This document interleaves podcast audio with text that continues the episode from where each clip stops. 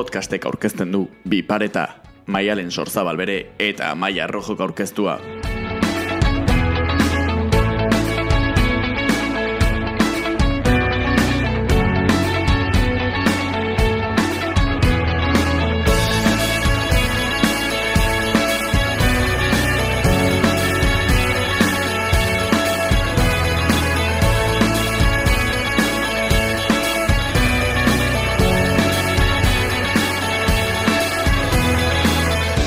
Zer gertatzen da lan baldintza kaskarrak, prekaritatea, diru sarrera finkorik ez izatea, eta etxe bizitzaren prezioaren etengabeko inflazio ez erregulatua, lapiko berean sartzen direnean. Ba, emantzipazioa utopia bihurtzen dela. Asko eta asko dira gurasoen etxetik alde egin eta independizatu nahi duten gazteak. Baina ez dira horren beste hori gauzatzea posible ikusten dutenak. Horixe da gaur egungo gazten errealitatea, Eta errealitate hori izango dugu izpide gaurko atalean. Az gaitezen.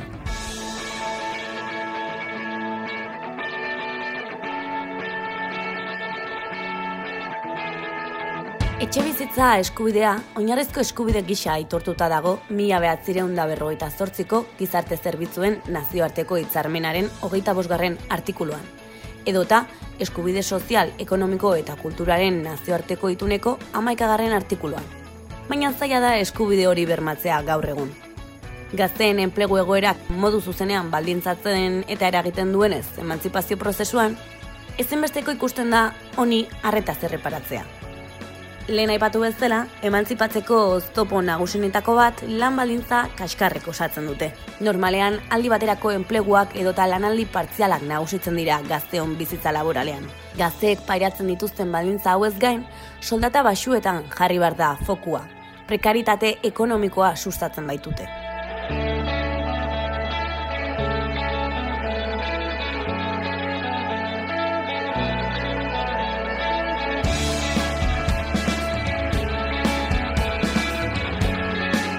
Era berean, jakin badakigu prekarizazioak genero, klase eta jatorria dituela, eta horregaitik faktore hauek etxe bizitza aukeri dagokionez baldintzatzaia direla.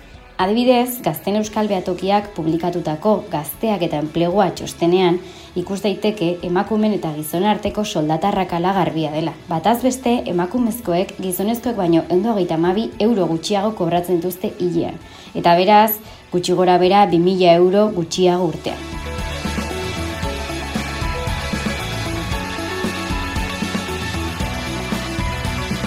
Gutxi gora bera zenbatekoa da EAEko emantzipazioaren bataz bestekoa dina?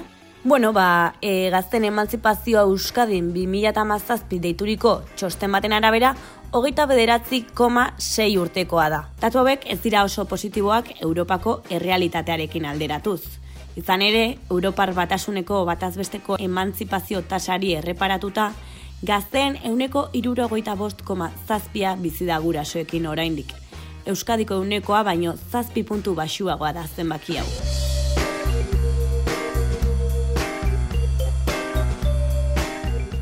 Aipatu ditugu txostenetatik ateratako ondorio analisi azterketa eta datuak. Baina zer diote egoera honen protagonista diren gazteek? Gaur kalera irten gara beraien iritzi eta egoerak ezagutzera.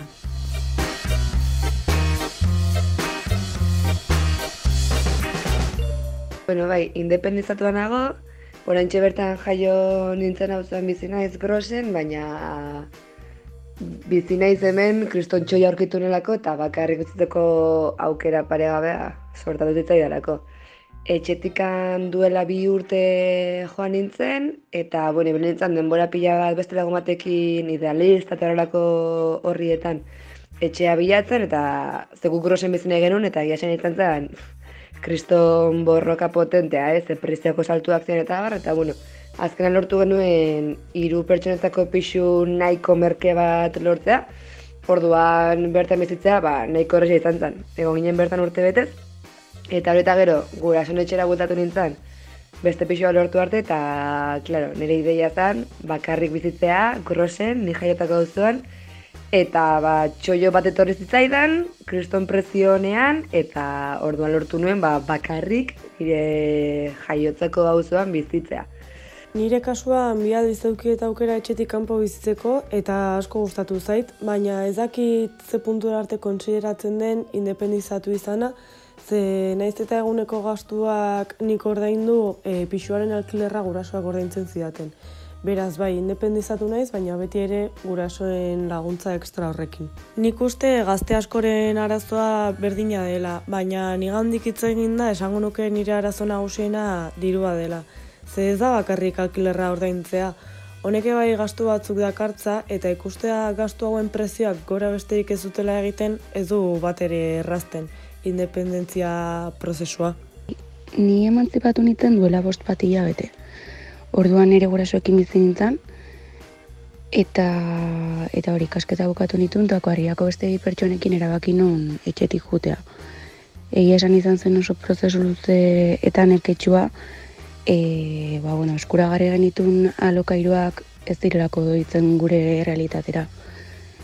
Eta eta kontuan eukita gure lan baldintzak, gure soldat eta guzti hori zeintzuk diran, ba, ba hori erabakia hartza asko kostatu zita egon. E, ni hoa indik naiz independizatu, e, baina noski nahi dela. Eri esan kuadrian asko hitz egiten gaia da, azken aldian. Baina zerratik naizen independizatzen, ba, e, nik magisteritza ikasi nuen, eta hori ondoren entzumen eta mentzairako aipamena egin nuen. Eta orain ba, posaketak ikasten ari naiz, eta bitartean ba, lan txikitxoekin, ez da, ba, zaintzan, e, ikastola bateko zaintzan, e, eskola kirolan, eta horrelako lan txikietan. Danakin batera, ba, ez zaitiristen, e, oain etxe batera juteko, Bueno, ba, ni gaur egun ez dago independizatuta, nire gurasoak emizin naiz donostin, oso pozik, baina, bueno, mm, egia esan etxetik kanpo jutearen esperientzia eta zerbait e, aliketa azkarren bizi nahi detena. Ze joea, adibidez, jutea zure bilagunekin, edo zure mutiarekin, edo neskarekin, edo inkluso, inkluso e, jende berria ezagutzeko eta aukera kristona iruditzen zait eta batez ere pos gauza berri asko, ez, e, ikasteko. Baina, bueno, nik uste nire diru sarrerekin lotuta dagoela ba, ikaslea naizela gaur egun eta ez naizela lanean ari. Ba, orain diken naiz independizatu. E, ikasketak bai egin dituela kanpoan, baina bueno, hori hori gurasoe kordaintzen zuten, orduan e, ez zen bat ere independentzia hori ez. Orduan, ba, ez naiz, ez naiz independizatu eta nahi, nahi dut, bai. Bueno, nik uste mundu guztia nahi dula ez, azkenean e, gazte ororen helburua da, e, independizatzea. Ez ointxe bertan ez dago independizatua. E, gustatuko litzaidaken arren, ointxe bertan oposaketa bat prestatzen ari naiz, orduan ordu gutxiko lana dauzkat eta irabazten diruarekin eta lokairoak dituten prezioekin ba ezin ezkoa zait.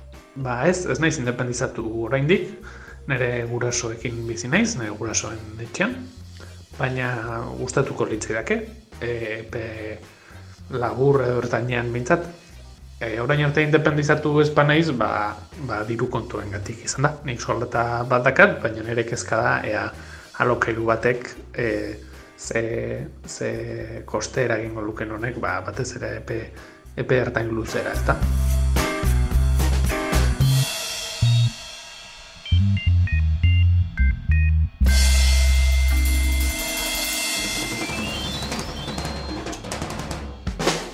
Euskadin, etxe bizitza libre baten alokairua bere gain hartzeko, emezortzi hogeita behatzi urte bitarteko gazteek soldata garbiaren euneko laro geita zortziko mairua erabili bar dutea gutxi gora bera.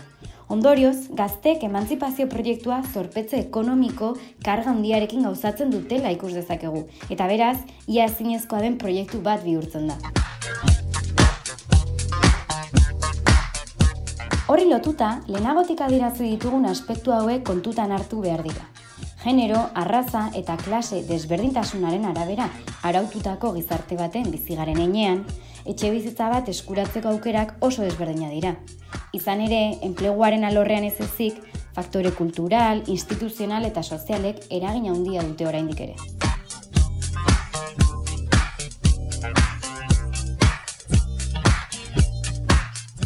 ezitako auzoan zahartu gaitezke? Ezitako auzoan bizi aldira gurasoen kabitik ies egin duten gazte horiek eta ezitako auzoan bizitzen ikusten aldute euren burua oraindik independizatu ez direnek?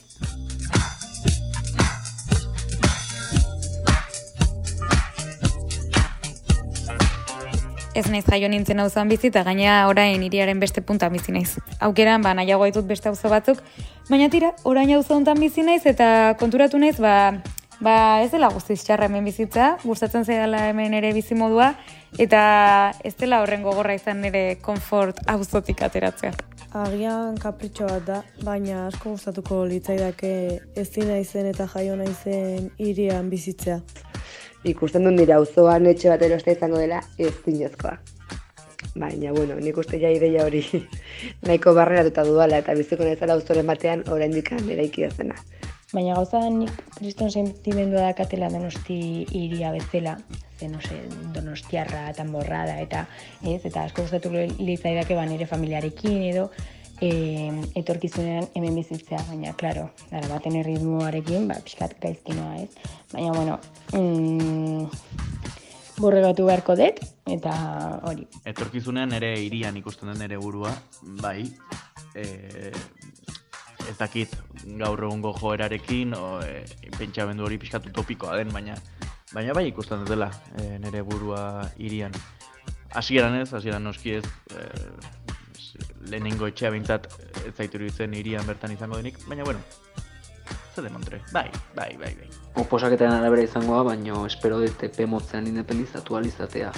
Eta posible bada nere irian, e, donostin, baina Oentxe bertan dagoen panoramarekin egia esan nahiko joan ikuste dut, no? E, ni bizi naiz pertsonalki e, ez naizen auzoan.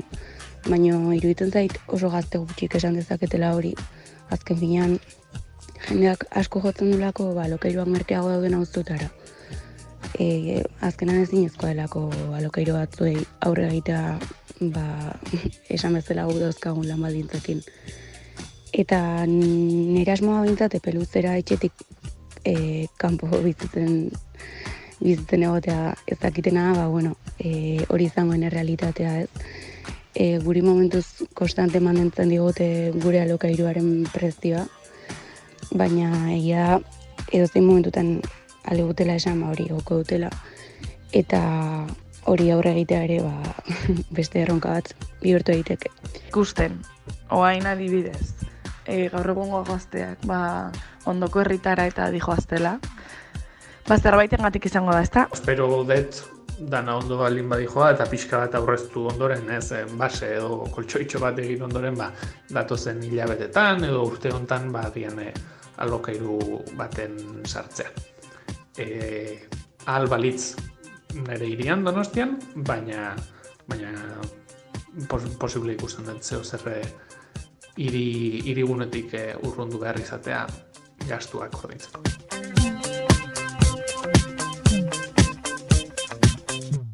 EAEko batazbesteko alokairuaren prezioa mila egun da berrogeita amaika koma iru eurokoa da. Lurraldeka, araban behatzireun da lau koma zortzi euro balio ditu bataz beste alokairu batek hilabetez. Gizkaian, mila eun eta amabik koma iru euro. Eta gipuzkoan, mila eun eta laroita mazazpik koma iru euro. Hiriburuka erreparatuta donostia da garestiena, mila irureun eta bost koma bi euroko batazbesteko alokairuarekin.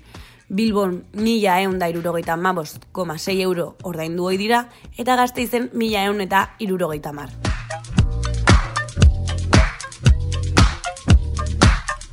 Alokairuen burbuia dagoela azaltzen dute zenbait adituk. Eta datuek adirazi bezala, ondorietako bat da alokairuko etxe bizitzetan emantzipatzea garestiagoa dela etxe bizitza bat erostea baino. Batez ere, turismo handia erakartzen duten guneetan. Hala ere, azaldutako egoeraren ondorioz, alokairuaren aukera da gazte askorentzat aldi baterako soluzio modu bakarra. Eti pentsatzen dezu ez, ba, jo, ba, urrengo pausa eman barko dugu, etxe bat erosi, baina, baina nik uste dut e, panorama dagoen bezala nahiko zaila izango dela, eta nahi baina urte gehiago jarraituko dugula alkiler bat ordaintzen.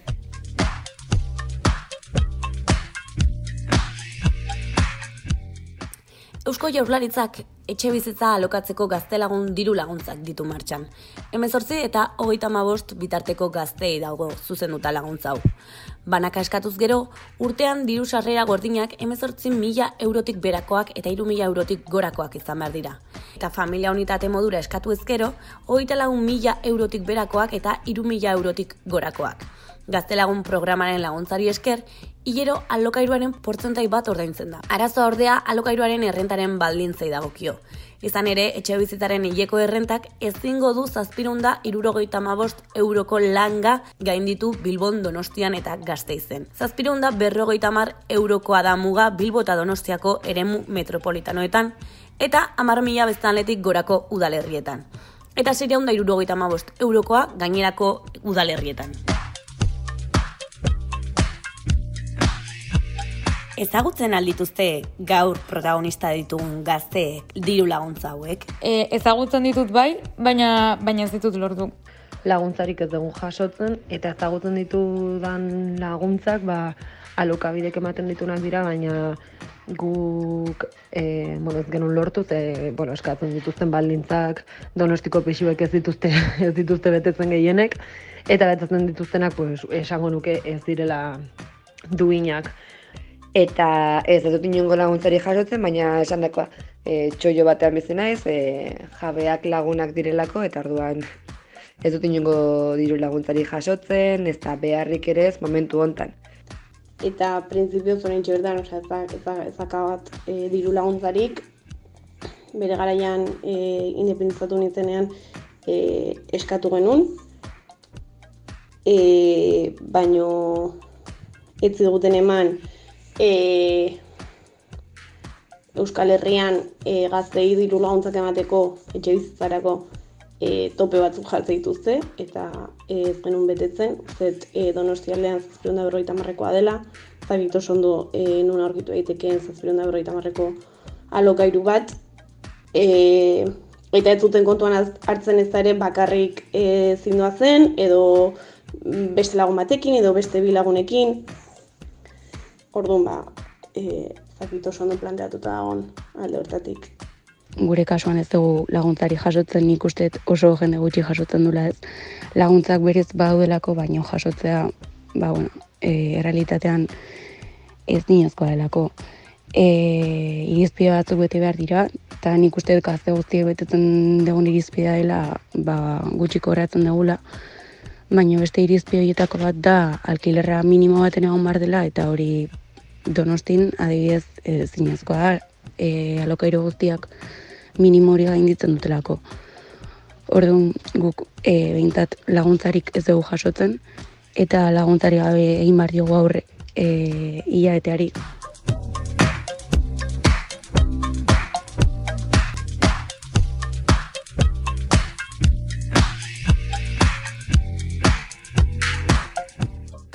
Nor-nor idealista edo bestelako etxe bizitza alokairuen portal digital batetik pasako balitz, konturatuko litzateke prezio hauetako etxeak, hauen alokairua erregulatu ezean, mundu irreal eta utopiko batekoak baino ez direla.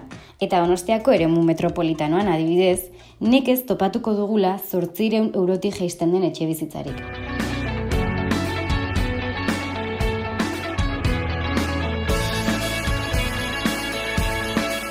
Ezagutu dugu pixkat gertuago gaur egungo gazteek etxetik alde egiteko edo alokairu bati aurre egiteko dituzten arazo egoerak.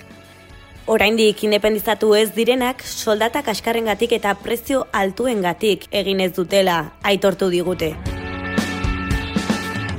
Dagoeneko independizatu diren askok epe luzterako ikusten dute euren burua alkiler bat ordaintzen. Etxe bizitza bat erostea oso zaila ikusten baitute.